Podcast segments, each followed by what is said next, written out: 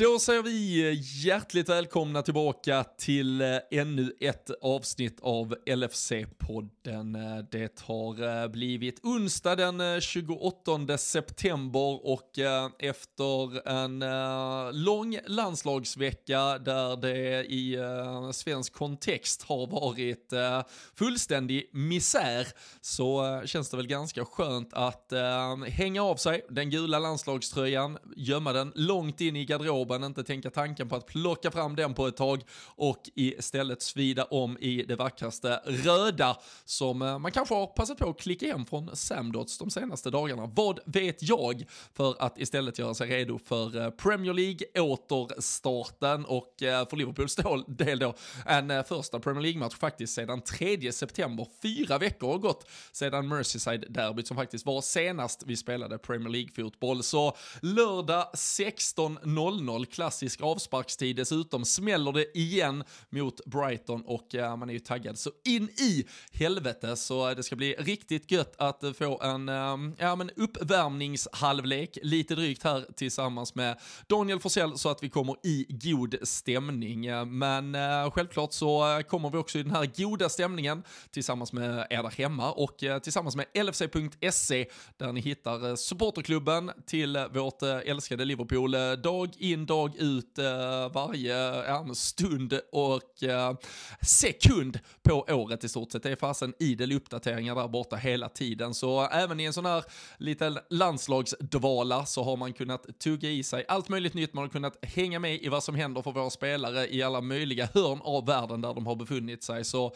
LFC.se tackar vi alltid för att eh, de finns med oss. Och eh, ni där hemma, ni kan väl, eh, om ni inte redan har ett medlemskap, smita in på lfc.se och läsa lite om supporterklubbens olika medlemskap. Och eh, de är också med på ett hörn här nu på lördag och arrangerar det här stora eventet, eller är åtminstone, ja, vad säger vi, eh, de promotar det, de eh, går i bräschen för det och ser till att Carlsberg och O'Learys 12 får en eh, jävla härlig, häftig Liverpool-dag. Så är man i Stockholm, jag har faktiskt inte koll på om det är lapp på luckan men annars eh, gå in på O'Learys eh, och läs om eh, deras event här som är på O'Learys 12 i Stockholm på lördag. både Steve McManaman och David James bland annat dyker upp. Så det och mycket mer kan man ju läsa om på lfc.se. Men nu ska ni sätta er till rätta så sparkar vi igång ännu ett avsnitt av LFC-podden.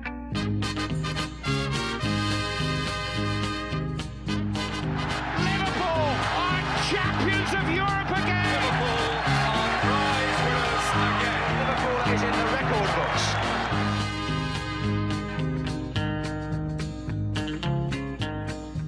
Ja, det gör vi och uh, vi gör det återigen tillsammans, uh, Danne, och uh, vi fortsätter behålla behörigt uh, avstånd och dessvärre så syns vi ju inte i Stockholm. Ingen av oss som lyckades få ihop det riktigt i kalendrarna, men det är ju en...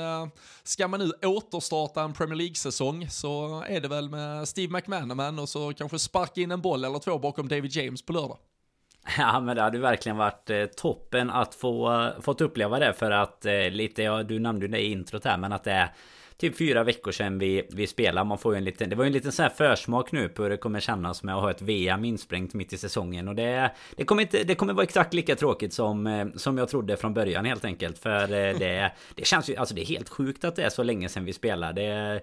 Du säger att nu sitter vi på behörigt avstånd. Vi sa ju som vi berättade förra veckan var ju iväg på liten, eh, ja men liten en mini-Europa-tripp där tillsammans under tiden. Och det känns ju som att det liksom har gått ja, men gått rätt lång tid bara sen, eh, sen dess egentligen. Och så eh, ytterligare då, eh, ja typ en och en halv vecka på det innan vi, ja när vi hade någon match innan dess då. Så nej, blir skönt att komma igång igen och, och, som tur är så har vi ju Har vi ju i alla fall någon match inplanerad tillsammans här till hösten så att vi Nej men har lagom av Vad säger man? Lagom avstånd mellan gångerna i alla fall Tills det blir lite kortare avstånd till vi Får se om vi kan spela in någon podd efter match Det brukar ju vara, vara ganska tufft annars med, med röster och sådär Men nej, skönt att fokusera på Premier League, inte så mycket landslag för min del i vanlig ordning Men man har ju inte kunnat eh, man, man, har inte kunnat missa hur eh, jäkla usla de här blågula soldaterna har varit alltså det det, det har inte Nej, ens det... undkommit mig eh, den här desperationen som har funnits i, i landet de sista dagarna här.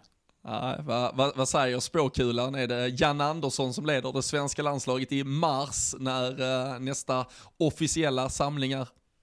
Nej men det borde det väl inte vara. Alltså utan som sagt har sett eh, någonting så har jag ju sett resultaten och det är ju inte, det är inte direkt nu de sista du, matcherna du bara som liksom, det har gått dåligt. Du, spelar ingen roll om man är fotbollskunnig, du är i alla fall läskunnig och vet att ja, exakt. 4-1 betyder förlust. Och jag vet jag, jag kan ju de olika... Tabell, så. Ja, exakt, jag kan ju de olika siffrorna, jag kan läsa tabeller och jag, jag förstår liksom eh, poängsystemet i fotboll. Däremot förstår jag nog fortfarande inte riktigt den Nations League. Men jag, jag fattar att Sverige ska spela någon sorts C-slutspel eller C-grupp eller någonting nu.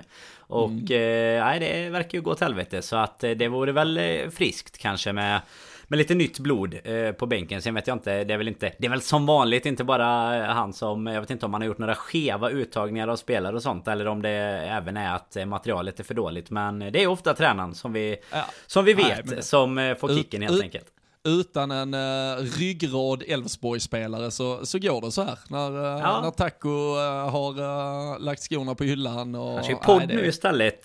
kan vi, ja, skill, vi i, i poddformat. Ja men precis såg jag. Ja, han har ju precis dratt igång här. Ja, och i faktiskt senaste avsnittet här så var ju, det var ju, är ju på annat håll, men en, eh, en poddkollega till mig i, i andra sammanhang, Thomas Wilbacher, var ju med där senast. En eh, um, instre, eh, um, jävla intressanta diskussioner faktiskt kring ungdomsfotbollen. Är man på något sätt in, insyltad i den själv? Jag är ju uh, någon form av kombinerad föräldratränare och, och, och, samtidigt kanske en ungdomstränare som vill, vill försöka lite mer och där man känner igen sig i, i mycket. Så om man själv är aktiv uh, ungdomsledare där så kan jag varmt rekommendera den här Skillspodden med, med Anders Svensson och äh, gäster då som de äh, plockar in varje vecka. Det är bättre än reprisen mot Slovenien i alla fall eller? ja, ja, det, den matchen, den, den matchen den kommer du inte rulla igen för att kolla några skills till, till grabbarna där hemma i alla fall. Nej, fy fan, det, då lär de sig inte mycket. Även om äh, det var ju ett omvänt van Basten-mål fick man ju lära sig av uh, alla på, på Twitter ungefär när Slovenien dunkade in 1-0. Men uh, jag tror vi kan stänga åtminstone den svenska landslagsboken där. Men det var ju inte bara Jan Andersson, om vi pratar förbundskaptener som vi ändå har någon form av anknytning till, som uh, fick det lite hett och som kanske inte har haft resultaten som de förväntades eller hoppades på. För även, eller samtidigt då som Liverpool Liverpool, Sverige flyttas ner till eh, C-divisionen, precis som du eh, ändå eh, med dina begränsade Nations League-kunskaper har helt rätt i så flyttas ju faktiskt England ner från A-divisionen till B-divisionen. Så hade Sverige bara hållit sig kvar där med nöd och näppe så hade det ju kunnat bli ett Sverige-England i nästa upplaga Nations League. Men så blir det inte nu, men eh, däremot så var det ju såklart en eh, het debatt kring eh, Gareth Garrett Southgates val att i då den sista, de har mött både Italien och Tyskland i två avslutande matcherna och inför den sista där mot Tyskland så valde man att helt lämna Trent Alexander-Arnold utanför truppen. Eh, uh, Reece James har fått förtroendet att starta båda de här två senaste matcherna. Kyle Walker och Trippier har varit med på bänken och uh, det var väl så sent som eh, om det var tidigare idag eller igår så, eh, ja, men så, så, ja, så, så slog väl eh, liksom uh, Southgate ner den sista spiken uh, någonstans i kistan när han sa att ja, men Trippiers all-round-spel är också mycket bättre än uh, Trent Alexander-Arnold. Och uh, det har ju fått väldigt många såklart bara kreti och pleti som du och jag och eh, andra som bara konsumerar fotboll och tycker sig ändå ha sett eh, någonting speciellt med Trent Alexander-Arnold eh, de senaste åren att eh, förundras över hur en förbundskapten inte kan plocka ut dem men också egentligen en jävligt samlad expertis där borta på öarna som är i mindre chock. Och eh, frågan är om eh, en eh, landslagsspelare på den här nivån någonsin där han egentligen har varit mer ja, men någonstans missförstådd och eh, i slutändan då missbrukad av sin förbundskapten. Jag sa han har gjort fyra stycken 90 minuters matcher är vad han har gjort och under den tiden, han har alltså nästan lika många Champions League-finaler som han har 90 minuter för det engelska landslaget. Det är ju eh, helt bisarrt faktiskt. Ja men det är ju helt galet. Alltså visst att, eh, visst att det finns konkurrens om högerbacksplatsen. Det kan man ju inte sticka under stol med. Men jag menar han är ju han är ju där, eh, och alltså före de andra och spelar ju i, i, Liverpool och gör det med liksom väldigt fast eh, form av en anledning egentligen. Sen, eh, sen att man kan sitta på liksom dubbla stolar för alltså man, man blir ju samtidigt som man blir lite så här förbannad eller undrar vad det är som händer och varför han inte får förtroendet så, så kan man väl tycka att det är jätteskönt att han, han får den vilan som som han liksom kan utnyttja för att göra det ännu bättre i klubblaget sen. Men alltså hade jag... Alltså det, det är ju svårt att sätta sig in i den situationen när man inte har varit någon landslagsspelare själv direkt. Men alltså hade, hade man varit Trent så hade man ju typ eh, bara känt att nej men jag kan redan nu liksom bara säga att jag kommer skita i det här landslaget. Sen fattar man ju såklart att du vill in i, i mästerskap, du vill kämpa om din plats, du vill inte visa det som att du på något sätt har gett upp. Men jag menar han, han liksom, det, det blir ju bara alltså extra tändved in i, in i brasan när han ska gå ut och alltså nu fick han väl en fråga såklart om det. Men när han ska gå ut och kommentera att Trippier är en bättre allround-spelare i i liksom resten av, av spelet både försvarsmässigt uppåt än vad Trent är. Alltså det är ju Det är ju rent ut sagt eh, felaktigt. Men sen eh, att du dessutom då som du säger både har Kyle Walker och eh, Enrich James också framför sig. Att du hade kunnat rotera och sådär. Men alltså det, det fanns ju så här chock, chockerande statistik där typ Danny Rose har spelat mer landslagsfotboll under den tiden som Som Trent ändå har varit involverad liksom. Och du hade ju något att typ Reese hade spelat ändå 14 av 19 matcher eller vad det var. Nu, nu höftar jag lite. Men det var något sånt i alla fall. Säg en 80% medan Trent typ hade spelat liksom 10 av 55 eller någonting. Och som du säger då inte ens kanske så många 90 minuter Så att eh, nej, känslan är väl att han eh, han kanske kommer få mer förtroende däremot om de också får, eh, får köra lite tränar förbundskapten Tombola där Men med, med Southgate borde han ju bara säga att det är tack och adjö och så eh, koncentrera sig på Klopp och, och vila sig i form. För du behöver inte ens vara med i truppen om du, om du ändå ska vara liksom tredje fjärde val som högerback. Det, då, då Nej, kan du faktiskt också... lika väl stanna hemma känns det som.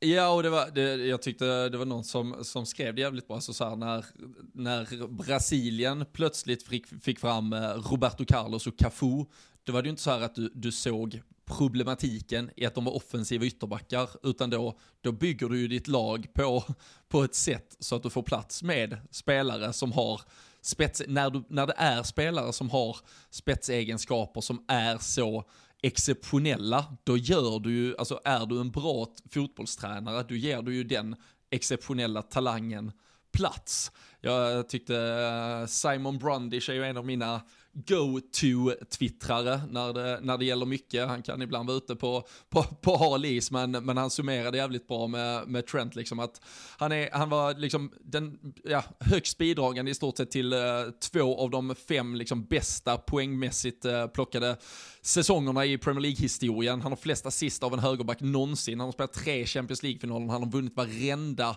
tävling du kan vinna. Han sätter rekord vecka efter vecka i stort sett i allting och den enda som inte ser hans storhet är Garrett Southgate. Så vi har ju, alltså Gary Lineker sitter och, och både twittrar och uttalar sig, det var väl Rio Ferdinand senast som inte förstod ett skit av vad som, vad som händer där borta. Och eh, det spelar ingen roll med tidigare klubbsympatier eller någonting. Och jag tycker alltså det är ju en enad, eller väldigt, och, ja, till stor del i alla fall, enad mediekår med um, en Henry Winter till exempel som är, han är ju inte på något sätt någon i den här lilla Liverpool-kartellen eller så, men som, som driver också på opinionen kring hur fel det här är. Och jag, alltså det, jag vet inte hur man, hur man kan sätta det i, i paritet, alltså, men det är ju typ som att ett Brasilien skulle säga att en Cafu en gång i tiden, om vi backar bandet en 20 år sedan, nej men han är inte, han, han är för offensiv helt enkelt. Det, vi kan inte göra plats till han i vårt lag och så väljer du någon, någon, någon annan jävla show. Jag kan inte riktigt hitta någon liknelse kring var och när en, en förbundskapten har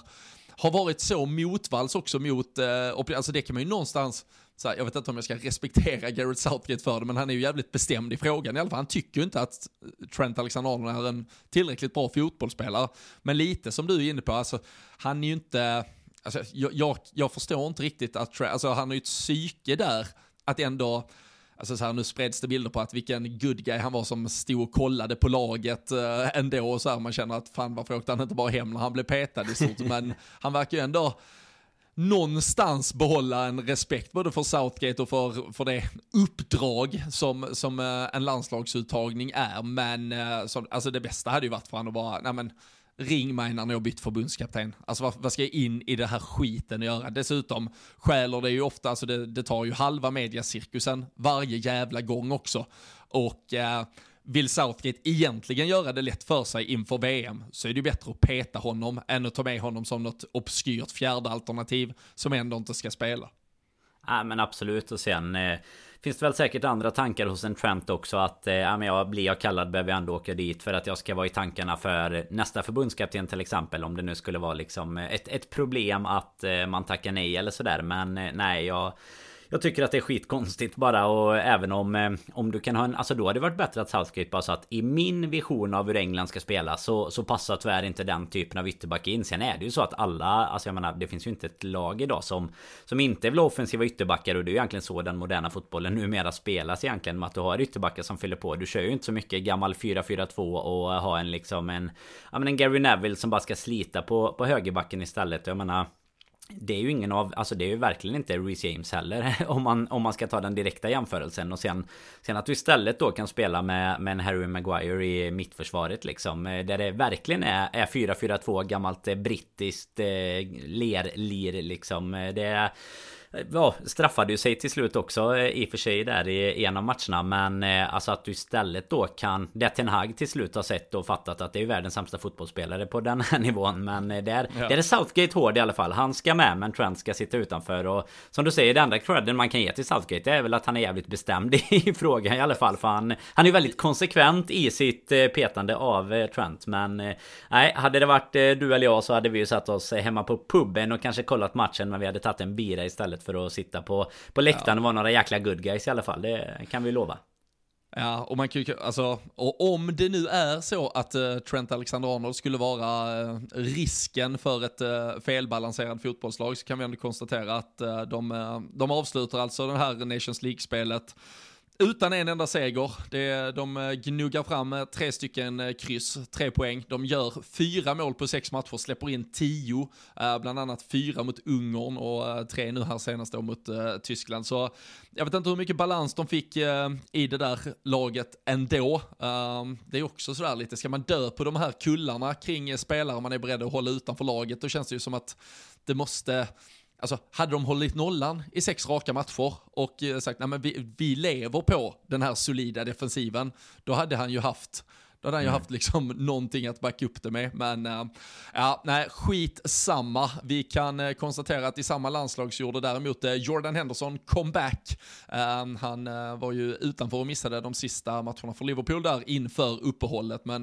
blev, han blir frisk i takt med att drottningar skulle dö och begravas och allt möjligt. Så det blev ju lite smygstart då för honom i landslagsdräkten istället och därmed fit for fight mot Brighton i alla fall. Och Eh, utan att gå hela klotet runt med allt möjligt så hade vi också en Mohamed Salah som inledde tidigt där på landslagsveckan med två mål mot Niger och sen så fick han ledigt mot Liberia. Det var ju väldigt, väldigt snyggt av eh, Egypten så han kom tillbaka lite extra tidigt till Merseyside. En Darwin Nunes som fick nicka in en balja för eh, Uruguay. Diogo Jota hittade nätet också för Portugal och eh, lite eh, annat. Det har ju i alla fall inte rapporterats om några tunga skador och eh, det är väl egentligen det enda man eh, sitter och håller tummarna för de här veckorna när, när man då som du inte kanske tittar jättemycket men man bläddrar igenom eh, Livescore-apparna och eh, kollar varför spelare har bytts eh, in eller ut och vad som har hänt.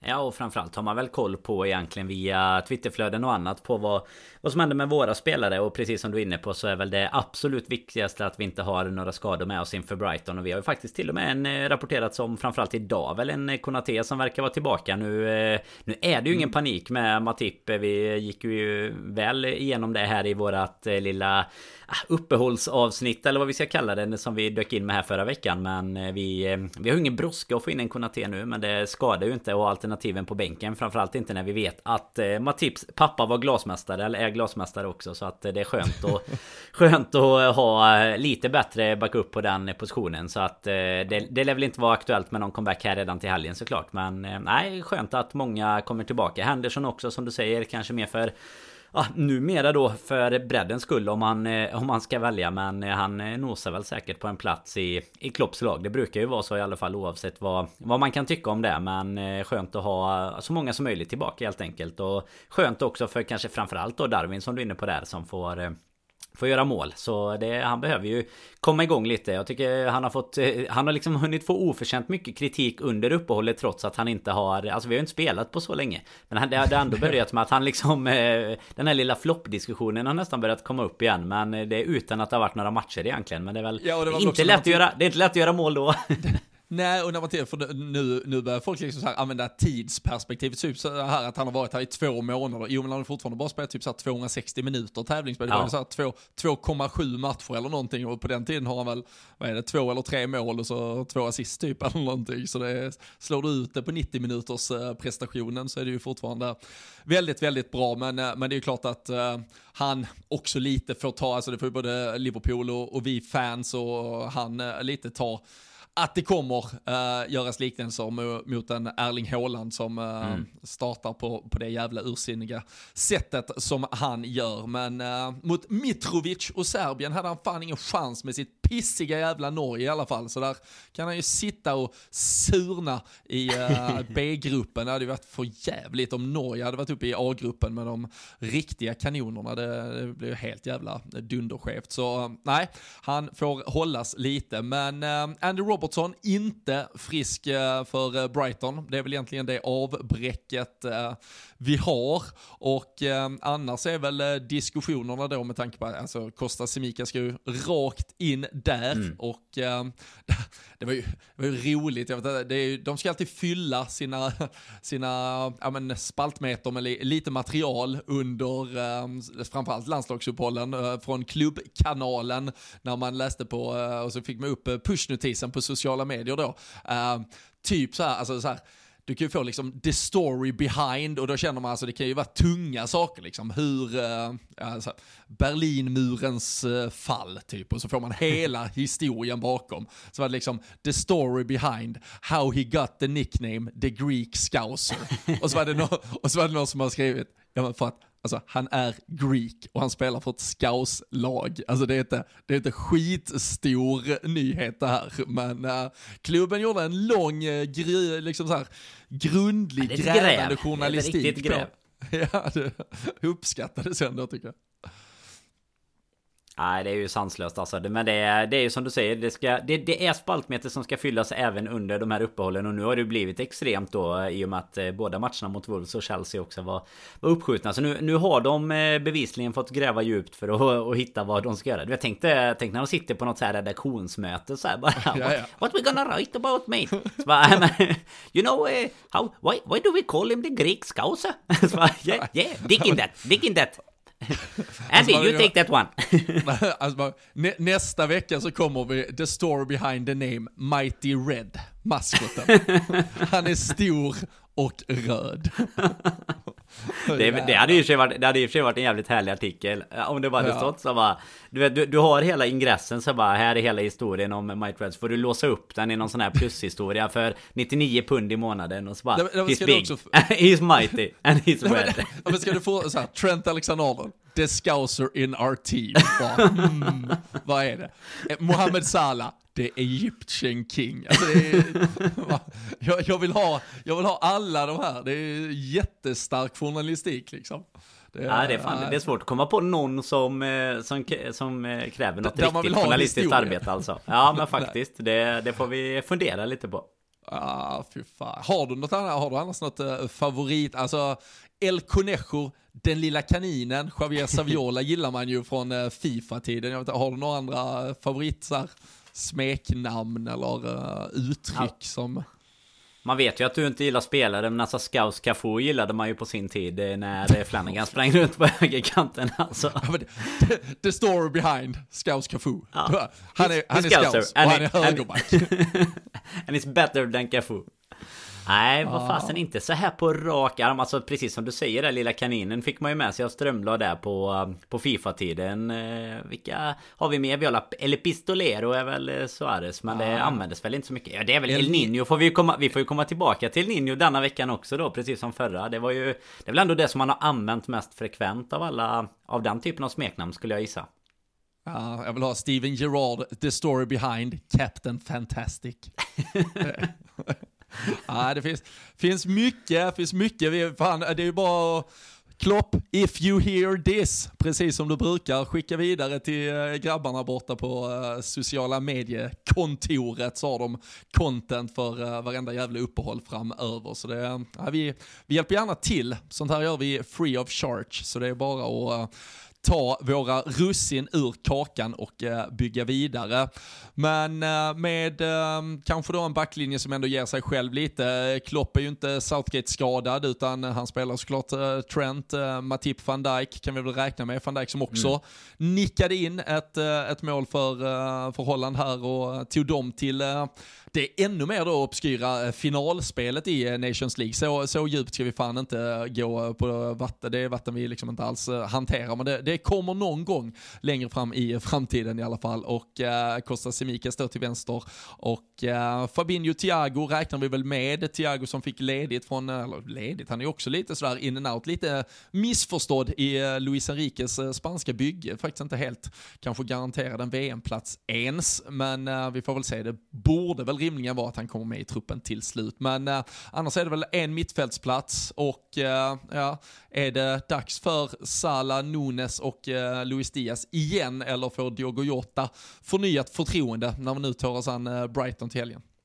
Nej men den är lite svår. Alltså jag hade gärna sett eh, Nunes från, från start och kanske Jota på ett inhopp istället. Men eh, samtidigt, han gör ju mål här. Han är, han är bra och inblandad när eh, vi spelar senast. Och eh, jag menar då kanske man, även om alla har varit iväg på landslagssamlingar och sånt, så kanske man inte vill förändra för mycket efter en, en så pass bra insats som vi ändå gjorde mot, eh, mot Ajax. Där man kände att vi började komma tillbaka lite. Men eh, mittfältsplatsen hade väl jag personligen mest för att det är mer, mycket mer spännande såklart att ge den till en eh, Harvey Elliot än att ge den till Jordan Henderson till exempel. Men jag hade nog inte förvånats om nu Henderson är i liksom... Ja, han kommer ju som sagt in och bara i ett par minuter i och för sig. Men ändå kommer tillbaka och eh, nu är det ju några dagar till han hinner träna innan det är matchen på, på lördag. Så att det eh, känns som att det kanske är lite, lite 50-50 där. Jag vet inte, vem tror du eh, Klopp eh, startar med? Jag... Eh, jag tror du att Nabi Keita grävs upp ifrån de döda?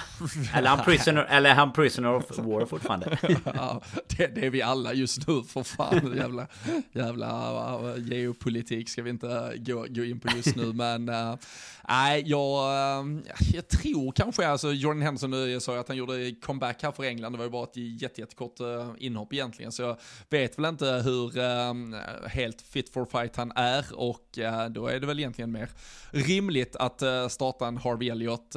Sen ehm, tror jag kanske ändå att valet offensivt faller på Diogo Jota om vi tittar på, på det här Brighton-laget. Nu har jag inte sett dem uh, varje match men det är väl uh, Duncan och är det Webster och Weltman kanske som har varit en uh, trebackslinje.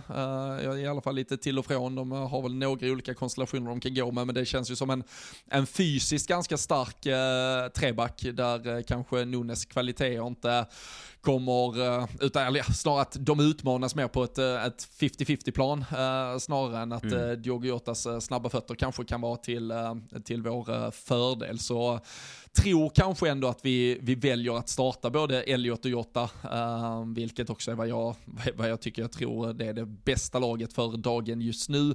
Men uh, sen är det ju att ha en Darwin Nunes som nu är lite mer då åtminstone, i alla fall på någon form av uh, halvlåga uh, up and running, så, så känns det ju som att det är ett uh, mycket mer användbart alternativ från bänken, kanske för både 30 och 35 minuter snarare än att han bara borde få något kort inhopp. Så, så det kan ju vara, eh, det känns ju bara jävligt mycket roligare att numera ha faktiskt en bänk att, eh, att skrämmas lite med. Så eh, det är väl ett ett fullgott alternativ så sett. Och uh, nu, uh, nu är det ju lite kniv, kniv mot struva, så det är ju en säsong som på något sätt startar om. Det, alltså både den här Wolves-matchen och Chelsea-matchen försvann ju och uh, blir, blir matcher vi får bygga på och ta ikapp längre fram senare. Och hela den här inledningen som då faktiskt bara är sex matcher gammal. Det, det, känns ju som att säsongen är, ja. alltså att vi är mycket längre in i den. Men eh, nu krävs det ju någon form av jätteomstart där vi verkligen liksom eh, vrider varenda jävla ratt rätt här för att gå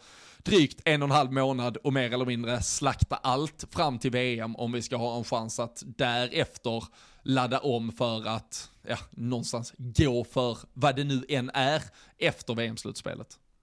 Nej men så är det ju. Jag menar vi har ju många andra lag som har en match mer spelad då. Brighton är ju inte ett av dem. De är också på sex matcher. Men eh, Arsenal och City och de uppe i toppen. Jag menar oavsett vinner vi våran beräknade hängmatch om man säger så då. För Wolves-omgången ställdes ju som alla vet liksom in eh, ja, för allihopa då. Så de, det är ju max sju matcher spelade. Men då är vi fortfarande sex poäng bakom ett Arsenal, fem poäng bakom ett City och eh, Spurs i så fall. Så att jag menar det, det är som du är inne på. Det kommer ju krävas att vi verkligen, eh, ja men verkligen kör över det vi, vi har att möta nu inför. Och då, eh, då har vi ju dessutom just de nämnda lagen bland annat då. Både ett City och, och ett Arsenal framöver och sådär. Men eh, Brighton ju på Champions League-plats just nu dessutom. Nu i och för mm. sig då ny tränare och sånt. Men du, du nailar ju deras backlinje där och det lär väl se relativt likadant ut kan man tänka sig. Alltså de, de lär väl ändå bygga vidare bygga vidare på det, den liksom bra starten som de har, eh, har haft egentligen. Men eh, nej, vi har ju lite tråkiga minnen från Brighton eh, hemma sist i alla fall. Det var ju det, det började ah, ju så fan. jäkla bra men vi, ja, men vi ska inte fastna där för mycket Men vi, vi tappar ju det sen Sen vann vi ju i alla fall på, på borta is tänkte jag säga Säger man ju ofta men inte, inte just i fotboll kanske Men nej det, det krävs verkligen att vi tar dem ja, den första halvleken vi hade då och gör den till två halvlekar här. För vi, vi måste ju verkligen komma rätt in. Och sen är det ju skönt som du var inne på innan. Bland annat med landskamperna där. Att Salah fick eh, ja, vila den sista matchen bland annat. Och ja, vill ju gärna se att han kanske kommer igång lite mer i, i målproduktionen och sådär också. Så eh, nej, äh, fy fasen. Det blir en... Eh, det, det är riktigt så här skön... Eh, som du säger, det känns ju som att säsongen har pågått mycket längre. Och det är en riktigt så här god återstartskänsla tycker jag. Så började det dessutom med Arsenal mot Spurs där. Alltså en bra 13-30 match. Och det är en... Ja, och så får man den klassiska stryktipstiden och sådär. Så det är mm. goda känslor inför helgen måste jag säga. Ja, vi, vi, har ju varit inne på det här eh, för i olika sammanhang, men just eh, det här du vet hur eh, alltså, spelschemat år efter år någonstans kopieras ungefär. Ja, det, det, det, det är fan sjukt, för jag vet att nu, jag tror det var en eller två helger senare, det kanske varit mitten av oktober ungefär, men då hade vi också Brighton hemma, nämligen just den där matchen du refererar till. Det var också en 16-0-0 avspark, för då var jag på en svensexa i London och då skulle vi på League One-fotboll. Det var Charlton mot Doncaster, tror jag det var. Och det är ju såklart på den eh, klassiska avsparkstiden, så det, det krockar ju där. Och samtidigt så spelar ju även City mot Crystal Palace. Och då hann man ju få, under första halvlek så fick man ju först pling Liverpool 1-0, Liverpool 2-0, City ligger under 1-0, City får rött kort, uh, kanske till och med var först uh, det de fick. Och sen så får man till och med plinget inför paus, eh, uh, 3-0 Liverpool.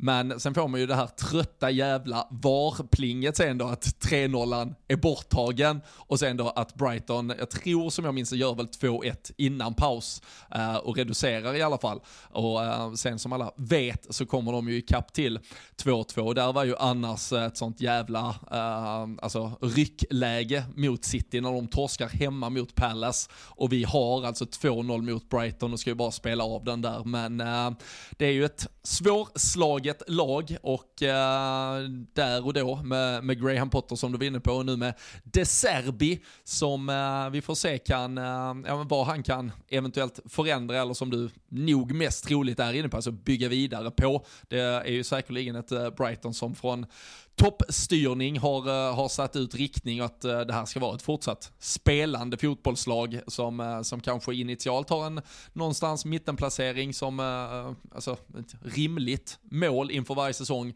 men som också vet att det finns en högsta nivå. När de prickar rätt så gör att de faktiskt kan kan tävla mot, eh, i alla fall i eh, enstaka matcher, mot eh, också de bästa lagen. Så det, det är ett Brighton som knappast då med, med ny tränare lär komma och, och vika ner sig, så det är ju ett Liverpool som måste vara på tårna direkt. Det är ju, ja, man hade kunnat ha lättare matcher att nu ta den här återstarten på i alla fall.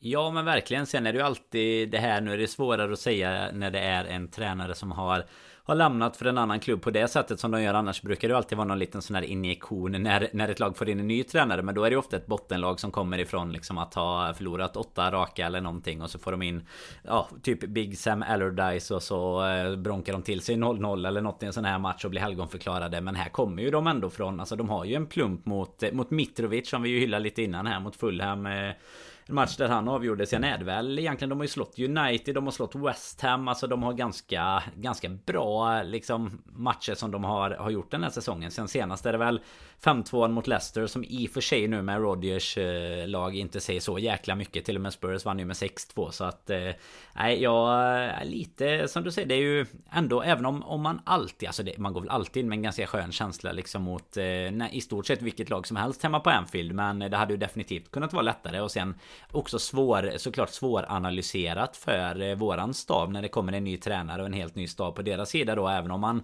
som du är inne på där lär väl ha, ha liksom kommit med, med liksom krav på, till honom och hela, hela processen egentligen att man, eh, att man ska fortsätta bygga vidare på det man har gjort men eh, ändå har ju inte, alltså Klopp och de har ju ingenting att gå på på samma sätt som du hade haft om det var fortfarande var Potter som styrde och liksom det här verkligen på finlirarnivå som, som ju alla egentligen analyser är idag där man liksom kanske ska ja, men, gå extra hårt på en kant eller på en viss spelare eller gå via mitten och sådär. Det, det saknar man ju lite där. Sen blir det ju spännande att se vad om det är någon skillnad i deras spel så sett för att eh, jag menar tittar du på ja, gubbe för gubbe om man säger så den klasken så är det ju fortfarande ett Brighton som är alltså det finns ju spetskvalitet men det är ju ganska många positioner där vi är, är ljusår framför dem liksom så att eh, nej förhoppningsvis ska vi väl eh, kunna kunna hålla det favoritskapet och ja, spåkulan ska få få jobba här lite senare i avsnittet i alla fall så ska vi nog kunna ja. få ett facit även där va?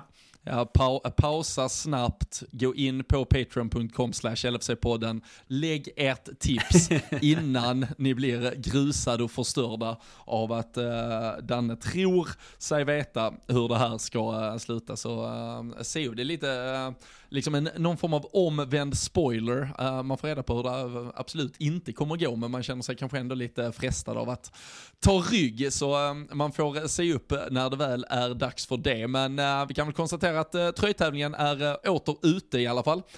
och där vet väl du också Dan att varje match så tröjtävlar vi borta på patreon.com slash LFC-podden. Och det är ju Samdod som skickar in schyssta grejer varje vecka, mängder med goa grejer. Nu var det en jävligt snygg Nike-tisha vi har fått eh, in där också. Så det, om, om det inte vore för att eh, du är eh, diskvalificerad så kan jag tänka mig att du hade varit inne och fingrat och försökt vinna hem den.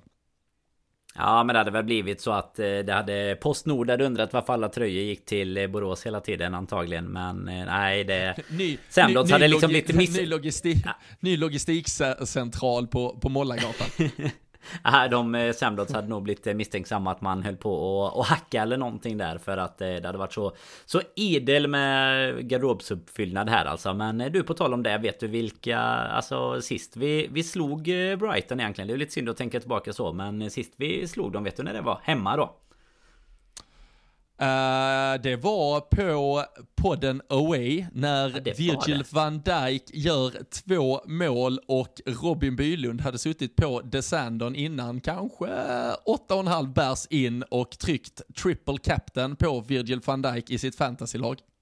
Ja det stämmer. Det är helt rätt. Ja. Den... Eh den var fasen inte dum. Det var också lite sjukt där med deras eh, mål kommer man ju ihåg. Nu blev det ju ah, 2-1 till slut. Men eh, det var ju helt, helt sinnessjukt med Alisson utvisad. Alisson utvisad och... och Ah, herregud. Vem är, är det? Det är Dunken som drar in frisparken? Jajamensan, dunkar, han dunkar in den och han är ju ja, kvar precis som du sa där. Han, han bara rull, rulla in skiten. Rulla in den ja. Nej, och det var sjukt. väl, eh, det var Martin Atkinson som var dumma va? Det känns så.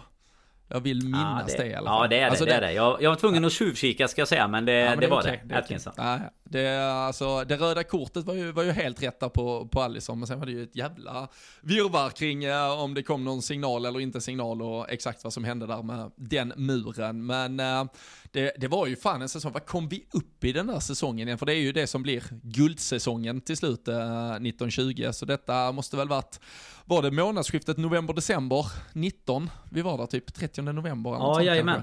Ja, ja, det var ju sista, typ, typ sista november någonting var det. Det var i slutet där precis i alla fall. Detsamma. Och eh, det var ju, vad fan fick vi ihop till slut den säsongen? Typ 10 stycken 2-1 vinster eller något sånt. Det var ju verkligen, eh, alltså man kan väl argumentera för att vi var, vi har varit ett lika bra fotbollslag genomgående många år med just eh, det där sättet vi red ut eh, stormar på och eh, mm. hade marginaler på vår sida. Det var ju, det var ju fan, framförallt den där hösten, det var ju inte, det var inte vackert länge. Alltså vi, vi hade ju de första, de första sju, åtta matcherna vi spelar med Adrian i mål ändå för att Alisson ja. är borta och sen här har han ju kommit tillbaka men blir då utvisad och avstängd och sen uh, var det ju fortsatt men uh, fan vad, vilket jävla, fan vad vi var fina då alltså. Det, man led sig igenom matcherna men vi hittar fan alltid sätt att vinna i alla fall känns det som. Jo men bara sättet alltså om vi, om vi nu ska återigen ta den här sista Brighton-matchen nu då stannar, som vi hade. Vi stannar Nej men om, vi, om man ska jämföra med liksom den vi hade förra säsongen där vi liksom är svinbra i typ en halvlek eller nästan då 35 minuter kanske och verkligen tycker att vi ja, att vi har, har tagit hem det. Vi har 2-0 hemma och det är ju svårt som, som det redan är att vända på Anfield liksom. Så, så känns det som att vi har haft lite fler, alltså framförallt i början på den här säsongen som vi redan har gått igenom många gånger. Det här med att vi dels släpper in första målet men sen också att vi Vi har haft ganska tufft i många, många lägen då att, eh, att efter kanske 1-0 eller efter att ha spelat jäkligt bra kunna kapitalisera på det. Och det gäller ju egentligen inte bara den här säsongen utan tillbaka till, till egentligen föregående säsong också. Så att eh, det var ju någon liten USP där som du säger att vi ändå lyckades ta de här tre poängarna och det var ju även så innan vi nu tog den här efterlängtade ligatiteln och, och även ja, innan, kanske säsongen innan när vi också kämpar på målsnöret så sätt så så är det ju likadant där egentligen att det, det klassiska var ju egentligen aldrig att vi Förutom under kanske Roy Hodgson liksom förlorade och så utan det har ju alltid varit att vi har kryssat alldeles för många matcher. Alltså vi har ju kryssat 10 matcher där vi borde ha vunnit kanske i alla fall 6 eller 7 av dem Där man tycker att vi har varit eh, ganska mycket bättre. Så att eh, Komma tillbaka till den typen av eh, spel hade ju varit väldigt Nej men bara få in Det är ju få in bolljäkeln oftast som är vårt stora problem känns ja. det som nu Sen blir det ju, får vi väl se beroende på vad City hittar på här framöver. Men eh, än så länge, trots att vi är en kort bit in, de har ju också tappat några poäng. Så skulle det kunna bli ett litet getingbo så är det ju trevligt i alla fall. Det är ju kul för ligan om inte annat att slippa att det är mm. två stycken eh, dominanter ända från, från start den här gången. Det har väl chockat fler än oss kan jag tänka mig.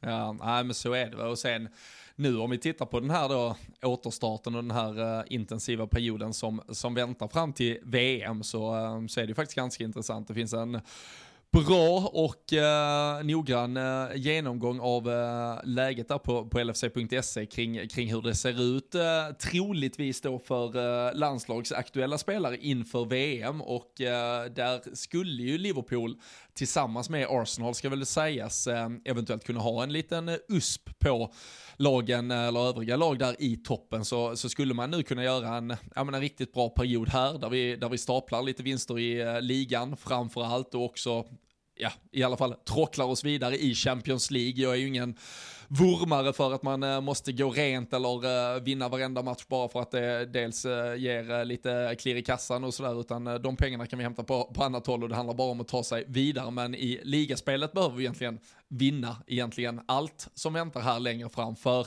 sen ser det ut som att vi kanske, om vi tar från vår eh, seniortrupp, bara har 6, 7, 8 spelare som kommer att åka och spela VM medan tittar man på ett City till exempel så är det nog en 15-16 spelare minst. Jag tror tittar man på deras eh, A-trupp egentligen, det var någon som skrev ganska kul om det men jag, jag, jag, jag hann inte dubbelkolla helt exakt men jag tror den stämmer i stort sett till punkt och pricka så är det alltså bara det är Håland och eh, Scott Carson som inte ska spela VM. det är, men man ser ändå träningarna framför sig när, när Håland bara så dundrar bollar på Scott Carson i, i en månad det, är, det, är något, eh, det är fan något eh, vackert i det där. Jag, jag blev lite osäker på, eh, Riyad Mahrez, är Algeriet kvalificerade? Men det tror jag de är. Jag, jag orkar fan inte ens dubbelkolla, det, det får någon annan göra i så fall. Hör av sig ifall jag har fel där. Men medan för Liverpools del så är det ju om Firmino kommer med, var ju med i den senaste landslagstruppen, så är de tre brassarna, eh, Firmino, Fabinho, Allison, där vi kanske ändå kan räkna med, oavsett om Firmino kommer med eller inte, så kommer väl varken han eller Fabinho att spelas ihjäl i det där laget. Van Dijk såklart är en som eh, åker till det där mästerskapet och är en bärande spelare för, för sitt landslag. Och annars är det ju Diogo Jota eh, för Portugal till exempel, Jordan Henderson för England och så typ då Trent och Thiago som är lite in and out i, i sina trupper eh, och resten kommer ju faktiskt vara hemma och kunna mm. kurera sig och eh, förbereda sig. Så ett Liverpool som gör en riktigt bra rush nu här fram till VM-uppehållet skulle ju potentiellt kunna komma efter VM-slutspelet och vara i ett riktigt, riktigt bra läge jämfört med sina konkurrenter. Så det, det måste ju ändå vara ett Liverpool-lag som fyller på med lite positivt bränsle här inför det som väntar de närmsta månaderna. Ja men alltså nu kommer vi ju dessutom Visst nu har det varit landskamper här eh, det sista Men ändå från en En liten ofrivillig viloperiod här innan också Så att eh, det, nu borde det ju finnas krut att bränna här som du säger fram till VM Oavsett hur mycket det kan ge för eh, Ja men för spelare ibland att även såklart få uppleva mästerskapen Och går man långt så får man liksom självförtroendet med sig och så. Så, så är det så att säsongen är ju ganska slitig redan som den är Framförallt när du spelar både Champions League, alla kupper och ligan då så så den fördelen av att till exempel inte ha en eh, Mohamed Salah som åker till VM Den känns ju som att vi borde kunna använda oss av när Ja men när vi väl startar upp sen efter jul också Eller framåt nyår där Vad är det? 28 typ? Eller är det, är det Boxing Day? Eh, Eh, Spelar ja, vi boxing, boxing day, eller? Ja, det säger min eh, inre klocka. Att ja, men det är lite... Nu, har, nu har man såklart inte kollat upp det heller, men det, det känns ju som att det var det vi, vi ändå ingenting. snackade. Vi bygger Nej. hela den här podden på impuls och magkänsla. Det ska gudarna veta. Fy fan, har man varit med, har man varit med tio säsonger så eh, det, då vet man det. då, är det, det, då är det det enda man vet. Man har inte lärt sig så jäkla mycket. Kolla inte upp någonting som sägs i den här podden. Nej men det är väl, det måste vara men det måste vara, det måste vara boxning. Nej, för annars hade man ju day. tänkt på att det, var så här. Annars hade ju England ja, rasat för att det inte var eh, klassisk boxing day. Och du vet, man, man måste ja, få de här tweeten med hur det var 1957 när Derby vann med 6-2 mot Leeds och allt vad det var innan. Det är fotbolls... Eh, fotbolls det, är, det, det, ja, det, det, är väl en, eh, alltså nu ska jag inte komma med en pekpinne till det här, men det, det, är ändå en ganska sen, alltså som brukar komma, kan det vara typ så 92, 93? Ja men det kanske det. Det här med hur många mål, alltså det är ju någon 9-1 och så ja, ja, 5-5 matcher och så här, ja, ja men absolut. Den, nej, men det, är, det kan ni också det... googla fram om ni vill, men vi, vi kommer ju inte kontrollera det närmare. Nej, nej. nej, men det måste ju ändå som sagt, det måste ju ge något till när man kommer tillbaka efter eh, efter jul. Jag vet inte riktigt hur långt in eh, Samma där då, att man inte kollar någonting. Men alltså hur VM när liksom finalen spelas precis men... Lucia, menar, det är inte, tror jag. Ja, och då, då har du ju ändå, det är klart, då har du några veckor däremellan Men då ska du ändå komma tillbaka också in i träning med laget och sådär Så att eh, nej det Sen såklart ska man inte ta sikte på det än utan det är ju fokus på de matcherna och det täta schemat som kommer vara här nu innan. Det är ju två matcher i veckan. Eh, ja ända fram till eh, Till det blir VM-uppehållet egentligen och så då gäller det fasen, alltså jag skulle gissa att vi egentligen för att kunna vara med behöver, alltså då får vi ju tappa poäng typ max en match och det kanske är eh, krysset mot City eller någonting. Där, eh, där du och jag ju har eh, petat Jocke Lundberg för en gångs skull. För några poäng ska han inte få ta ifrån oss den här gången i alla fall.